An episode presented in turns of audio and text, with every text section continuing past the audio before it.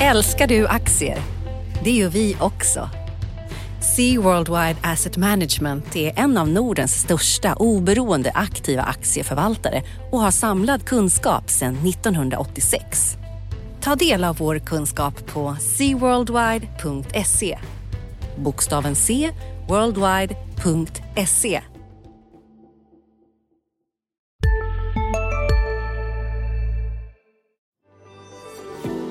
Ser du en möjlighet på marknaden? Upplev trading hos IG genom att handla deras turbovaranter Turbo 24. Nu kan du gå både lång och kort på svenska och internationella aktier. Med Turbo 24 kan du handla aktier från åtta olika länder och runt 70 företag. Ta position i samma plattform som du handlar index, råvara och valuta. Upptäck IGs tradingplattform och läs mer om de aktier de erbjuder på ig.com. Men kom ihåg att all handel med finansiella instrument är förenat med risk. Analyspodden från Dagens Industri. Hej allihopa och välkommen till veckans avsnitt av eh, Dagens Industris analyspodd där vi pratar om börsen framförallt, men även en del makro när det är påkallat och kanske till och med lite politik någon gång då och då. Den här gången blir det nog mest börs skulle jag tro, för jag heter Ulf Pettersson och sitter på vår börsredaktion och med mig har jag eh, Johan Wendel som också sitter och skriver om börs om dagarna. Hejsan Johan! Tjena, tjena Uffe! Bra! Eh, ganska aktiv vecka även denna veckan. Eh, det är alltid aktivt om man håller på med börsen, men jag tycker det har varit lite extra hett denna veckan med alla dessa noteringar som ska komma. Så det får vi väl prata om Johan, tycker jag. Sen tycker jag att du ska prata lite om Betsson, spelbolaget som kanske blir uppköpt. Vi får väl se, du får prata om det. Sen så ska vi kanske prata lite om Kina också, det här Evergrande, det här fastighetsbolaget som kanske kan stöka till marknaden lite grann och lite allmän börs. Och nästa vecka har vi ju mer makro, men det får väl du och jag också avhandla lite grann med, med räntebesked i, i, i Stockholm och, och, och USA. Bra. Ska vi låta dig prata lite först då med, med Betsson eller vad är det som händer där aktien rusar? Finns det skäl till det eller? Ja, men precis. Eh, Betsson-aktien gick ju upp väldigt mycket igår, det vill säga torsdag denna vecka. Och eh, det här var ju då efter att sajten eh, Action Network publicerade en artikel om att eh, amerikanska bolaget Fanatics kikar på förvärv i den här sektorn och de som nämndes då specifikt var Betsson bland annat som en av två eh, uppköpsspekulanter. Eh, det andra är ett amerikanskt bolag som heter Rush Street Interactive, eller RSI. Så jag skrev lite om det här Betsson då och tänker väl så här, att det är inte helt ologiskt att tänka sig att Betsson skulle kunna bli eh, uppköpt av ett amerikanskt bolag då. Och då som man påpekar i den här artikeln är det ju liksom att det är inte liksom Betssons själva verksamhet man kanske köper bolaget för utan deras eh, tekniska och operativa kunnande som man vill få in. Då. Fanatics är då ett eh, sportklädes e-handelsbolag som har sagt att de vill ge sig in på spelmarknaden i USA. Och det är en kapprustning som pågår i USA. Det är först inte kvar. Det är en sprint som pågår. Bolagen satsar jättemycket pengar. Eh, ingen tänker på vinsten utan det är översta raden, tillväxt, kunder och så vidare som ska in. Så i ett sånt läge skulle man kunna tänka sig att Betsson eh, absolut skulle kunna vara en eh, grej som folk räknar på. De är inte så våldsamt högt värderade heller. Värderas till ungefär 13 gånger fjolårsvinsten här. Eh, ungefär 11 gånger det här året, räkenskapsårets beräknade vinst. Så det är ingen tokdyr transaktion. Men som sagt, man kanske inte man köper inte för Betssons liksom befintliga verksamhet. Utan man köper deras, eh, ska vi säga, Kambi-del då, deras spot, det de har satt upp här och ska försöka börja sälja i, i som tredjepartslösning, deras eh, livespel, ja överhuvudtaget eh, bettingdelen helt enkelt, alltså när man sätter oddsen. Ja, precis. Men Betsson har ju då en sportbok eh, som man har sålt business to business. Eh, man har försökt pusha lite för den här. På marknaden har ganska många varit skeptiska. Jag skrev om det här i eh, början av året, vilka olika vägar i USA som Betsson och Kindred har varit. Och Kindred har ju en betydligt större närvaro i USA. Betsson har en liten en liten lilltå får vi väl säga på, på den amerikanska marknaden genom att man opererar i delstaten Colorado genom då att man säljer den här sportboken business to business till, en, till eh, Dosta Dostalale Casino som i sin tur är det som eh, är det konsumenterna ser. Då. Men den här eh, då sportboksverksamheten då som man säljer business to business har i princip värderats till noll kronor av marknaden. Det är liksom inte en optionalitet som man riktigt har, eh, har uh, tänkt på riktigt. Och uh, jag skrev i början av året där att uh, optimisten ser där ett gömt guldägg i Betsson medan ja, andra ser liksom att man försöker lyfta fram grejer som kanske inte är så bra. Och här ser det ut som att optimisterna då, då kanske har lite, har lite rätt. Men som sagt, bara för att det är logiskt att man räknar på ett bud på Betsson, det betyder inte att det kommer. Eh, det ska vi betona också. De räknar säkert på många bolag. Alltså man, man räknar ju garanterat på Kambi också, men där har vi ju den här poison-pillet i den här konvertibeln som Kindred har i Kambi som stoppar då, eh, uppköp och, den löper ut 2023. Och eh, där vill ju för övrigt, när jag snackade med Kambis vd Christian Helén för förra veckan så ville han inte kommentera huruvida man ska förlänga den eller inte. Så att, eh, men det, det, det händer saker i den här sektorn. Det är en konsolidering som pågår. Det är en mängd förvärv i USA som sker hela tiden. Så att eh, det saknas inte risk, riskvilja eller kapital direkt. Nej, eh, men den, eh, den här nyheten, jag vet att senast vi poddade, du och jag Johan, så pratade vi om Sobi som var i ett liknande läge då med så att säga medieuppgifter kring det där. Men, eh, men det känns som att, att det var lite mer troligt med Sobi-budet, liksom hur det ser ut. Då var det ändå liksom en, en ganska tydlig liksom vem som skulle vara köpare. Och, alltså det kändes lite tydligare än dess, dessa medieuppgifter. Eller vad, vad tycker du?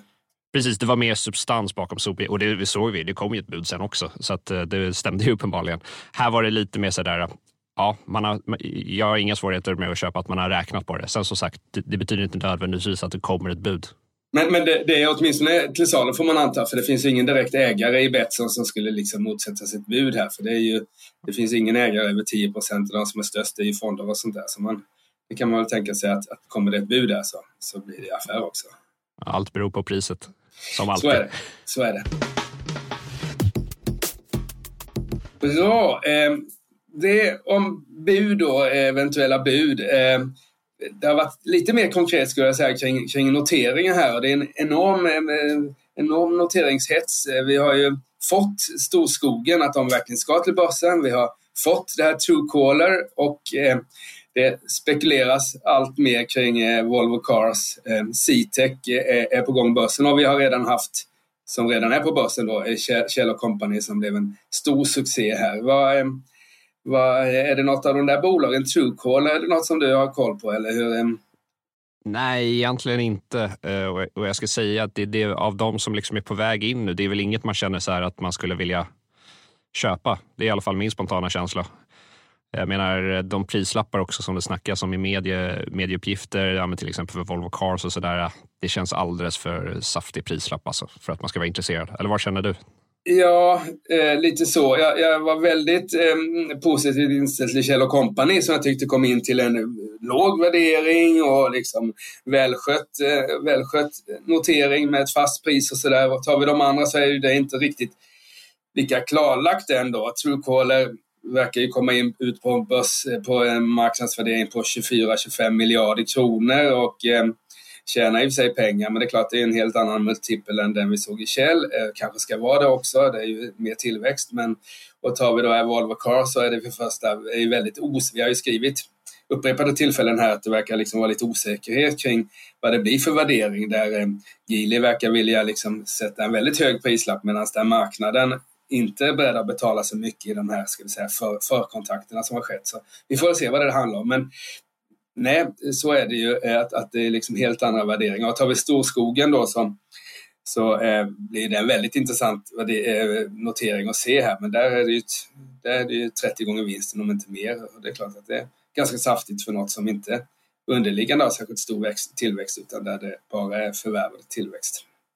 Eh, ja, men det blir, det, det blir väldigt intressant och det är ju lite sådär. Det har varit Börsnoteringsfönstret stängdes eh, en stor del av förra året när det var eh, full fart på coronapandemin och nu så har det lättat plus att börsvärderingarna eh, är höga och börskurserna har gått uppåt och sådär. Så det kommer, kommer nog bli en, en väldig fart på antalet nya bolag här i eh, sista, sista tre, fyra månaderna på börsen, det skulle jag tro. Det är roligt och det är Eh, sen vet jag inte om det kommer vara köpvärt men det är ju, det är ju fantastiskt vilken, vilken börs vi har just i Sverige här eh, som är kanske den, den börs som liksom får in flest nya bolag på börsen och där vi har flest bolag noterade i förhållande till vår ekonomi och befolkning. Och så, där. så det är verkligen en, ett aktieklondike just i Sverige av någon anledning.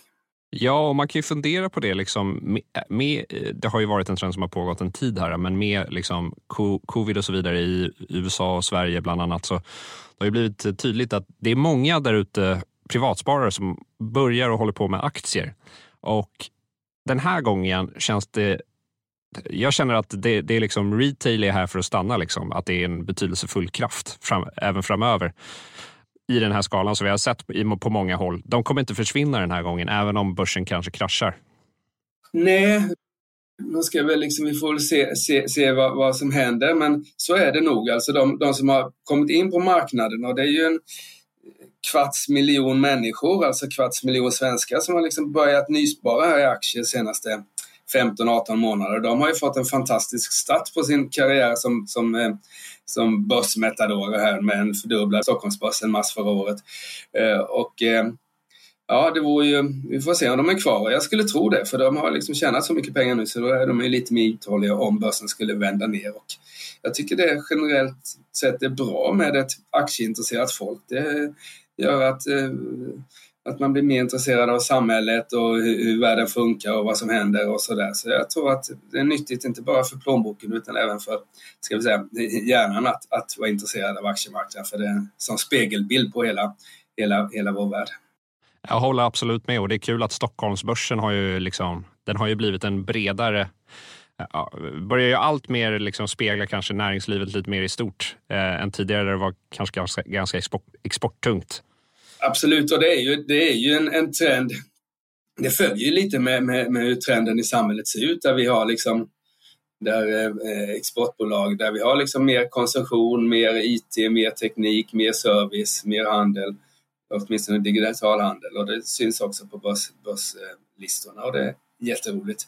Så det. Men eh, ja, jag vet inte, vi får nog kanske återkomma kring när vi får se liksom riktiga värderingar och sånt där. Om vi tar Storskogen då så har vi har de väl liksom antydit liksom börsvärdet men vi vet ju inte riktigt hur mycket pengar de ska ta in och sådär och vad det blir för EV-värde på det. Man får nog avvakta sånt innan man vågar ge någon dom om dem där då. Men eh, är det någonting annat i veckan som du tycker har varit intressant? Börsen generellt, har du någon, någon take på det? Sista dagarna nu på vårens stora season sale. Passa på att göra sommarfint hemma, både inne och ute. Och fynda till fantastiska priser. Måndagen den 6 maj avslutar vi med Kvällsöppet i 21. Välkommen till Mio. Hej, Synoptik här. Visste du att solens UV-strålar kan vara skadliga och åldra dina ögon i förtid? Kom in till oss så hjälper vi dig att hitta rätt solglasögon som skyddar dina ögon. Välkommen till Synoptik. Det känns som att det var lite skakigt men, eh, men sista två dagarna har det vänt upp igen. Men det mm, blir intressant att se och det ska vi återkomma lite till senare i veckan. Men vi har ju ett par räntebesked och framförallt kanske Fed då, som eh, avgör lite börsutvecklingen här eh, framöver nästa vecka. Eller vad känner du? Ja, så är det. Det var ju, eh, vi pratade väldigt mycket i alla möjliga kanaler i tidningen och på tv, DTV och även på poddarna om, om det här eh, Jackson Hole-mötet som var senast med, med Jerome Powell. Men där, marknaden steg ju faktiskt lite när, när Jerome Powell började prata där. Eh, inte särskilt mycket, men, men, och det sades ju inte så mycket där. Vi får väl se nu hur, eh, om, det inte, om det inte är vid det här mötet ändå eh, i slutet av september här som, som det kanske kommer en en, en början på den här tapering då, att man ska åter, minska återköpen av sina eh, obligationer. Och det där ska bli jättespännande för det är, det är ett oprövat så att säga, det har aldrig hänt för att, att vi har liksom haft den här typen av, av eh, eh, obligationsköp och vi har därmed inte haft en situation där vi har slutat återköpa eh, obligationer i sån, i sån mängd som kommer ske nu och det är lite oklart hur marknaden kommer hantera det där om, om, om räntorna, om det kommer så att säga av efterfrågan och utbud på obligationer kommer att trycka upp räntan. Eh, hittills har ju det funkat riktigt bra då, utan eh, Fed har ju lyckats trycka ner räntan, den amerikanska tioåringen, till 1,30 ungefär genom sina återköp. Eh, får se om, de,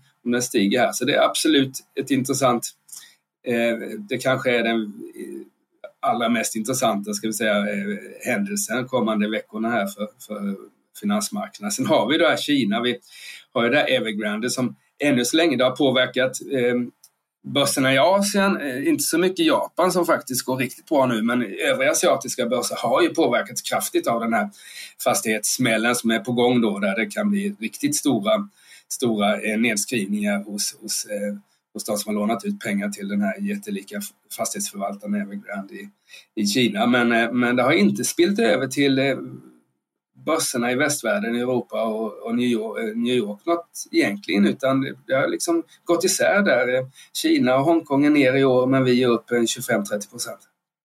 Ja, och, och, det kan man väl kanske tolka som ett tecken på att ja, men, investerare är ganska fast övertygade om att eh, den kinesiska regeringen på ett eller annat sätt kommer att eh, kliva in och eh, lösa den här situationen förr eller senare. Eh, kanske genom att ta över Evergrande eller, eller, eller någonting sånt där. Eh, det verkar inte räkna med att man man verkar inte räkna med att man låter den här eh, fastighetsutvecklaren krascha i stil med Lehman Brothers eller lik, liknande. Nej, så är det väl. Så är det väl. Bra. Eh, apropå fastigheter och, och kraschar och sånt där så har, ju, har vi ju även fått lite Eh, Eh, information, eller ska vi säga SBAB, eh, boutlånaren, eh, har varit ute och pratat om bostadsbrist här eh, redan 2027. Det har ju ändå varit liksom ett stående tema i fastighetsbranschen att den kommer gå bra för att eh, vi har byggt så lite så vi kommer börja bygga nu och det finns en brist på brist på bostäder i landet och sådär. Vad var det som hände där egentligen? Har du koll på det någonting närmare? Nej, men de, jag tyckte det var lite spännande. De släppte en prognos här, eh, SBAB, och, och, och, sa väl att eh, byggandet ser ut att öka väldigt mycket och eh, man kommer, vi kommer ha en bostadsbrist som är borta redan 2027. Eh, och det lät ju bra tycker jag. Uh, faktiskt. Uh, men eh, det känns ju som att det kommer vara lite det här problemet kanske som vi hade 2017 om SBABs scenario liksom slår in. Att det kanske är, finns gott om bostäder för de som har pengar att köpa dem för. Eh, de som har svårt att köpa bostäder eh, har inte så mycket pengar, har, har inte liksom möjlighet att låna pengar, kanske inte har en fast anställning och så vidare. Man har inte tillräckligt till eh, en, en en insats och, och, där har man lite svårt. Hur ska den här bostads, kommer den här bostadsbyggandet spilla över på dem? Jag vet inte vad du känner där? Eh, visst, det är ju ett, ett, ett, ett, problem här, men å andra sidan så är jag lite trött kanske också på hur, hur, bostads, hur man resonerar kring bostadsmarknaden nu med hur man gjorde förut. Det är inte säkert att det är givet att alla som är 20 år och inte har så mycket pengar ska bo liksom i, i nya, nya lägenheter utan man kanske får liksom göra sin bostadskarriär lite som man gjorde förr i tiden där man inte liksom började med något bra utan man får liksom eh, sakta men säkert ta sig in på marknaden. Men det är ju ett problem och den har ju det här ska vi säga den tudelade bostadsmarknaden har ju den har ju skett liksom dels mellan de som har och inte har pengar men det har ju skett mellan stad och land också. En annan, alltså de här hiskeliga priserna som, som är i Stockholm och storstadsområdena nu gör ju att, att det finns ju ingen från landet som, som det är väldigt få i alla fall som kan ta sig in på det sätt som faktiskt gick att göra på, på 90-talet och 00-talet. Men nu är priserna så höga så, så föräldrarna kan liksom inte ens, om de höjer sina belåningar på sina villor ute i landsorten, få ihop till en, till en rimlig kontantinsats som det, med de priser ja. som finns i, i Stockholm.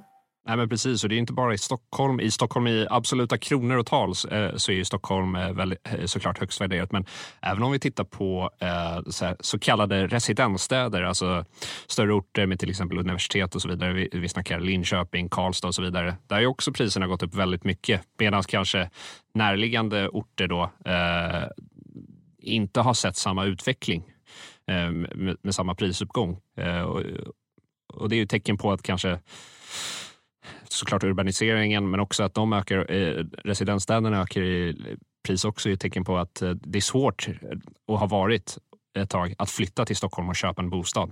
Mm. Bra. Ska vi titta lite framåt? Vad är det som, vad är, det som är på agendan i nästa vecka egentligen, Johan? Ja, äh, men som du sa, det är tema eh, makro. Vi inleder ju veckan på måndag med att eh, regeringen presenterar sin eh, budget. Så det är väl den stora inrikeshändelsen. kommer väl inte sätta något vidare avtryck på på eh, finansmarknaderna? Det mesta är redan känt på förhand.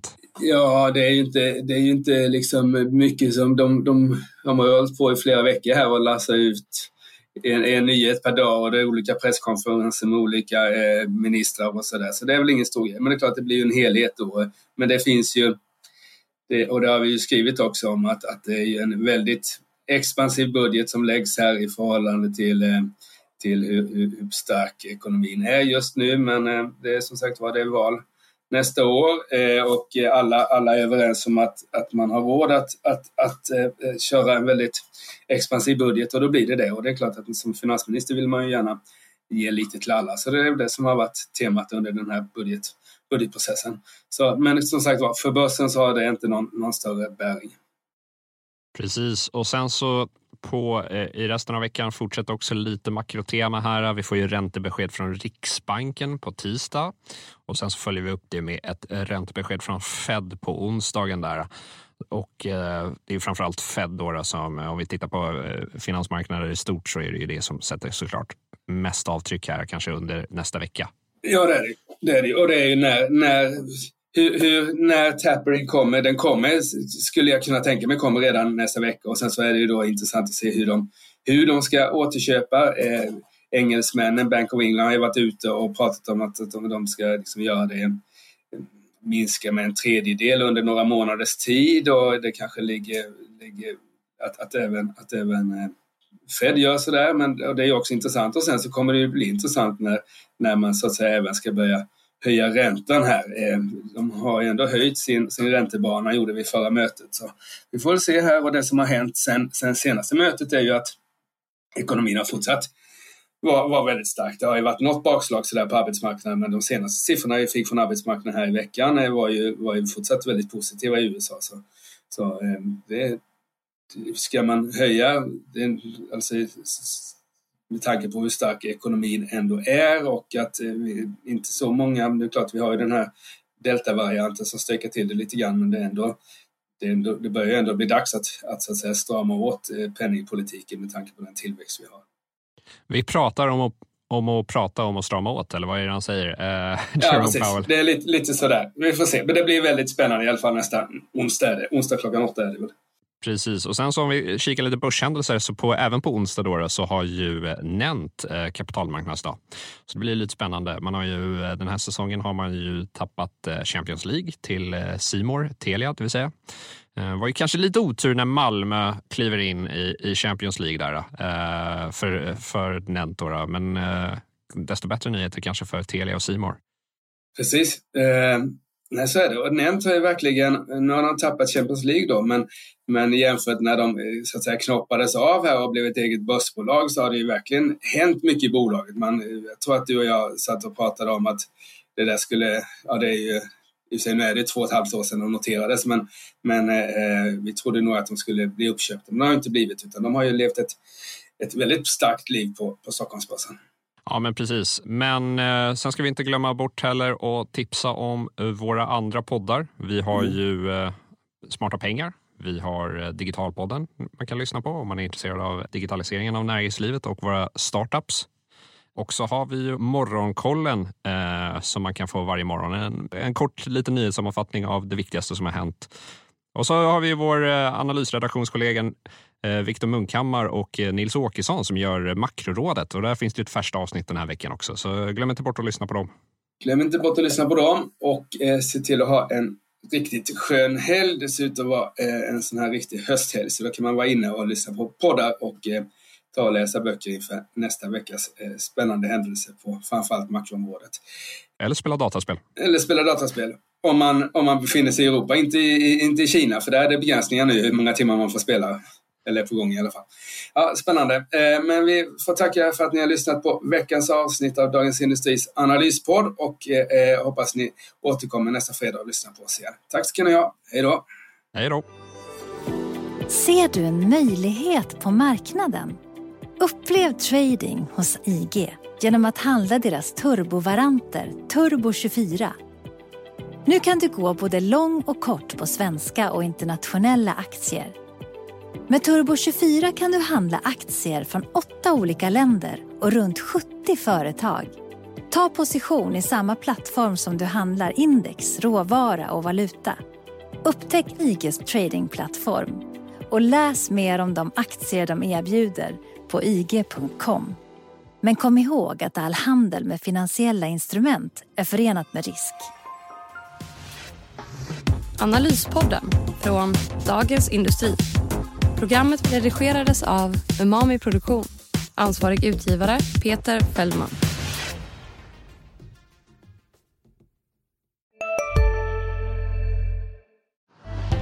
Älskar du aktier? Det gör vi också. Sea Worldwide Asset Management är en av Nordens största oberoende aktiva aktieförvaltare och har samlad kunskap sedan 1986. Ta del av vår kunskap på seaworldwide.se. Bokstaven C, worldwide.se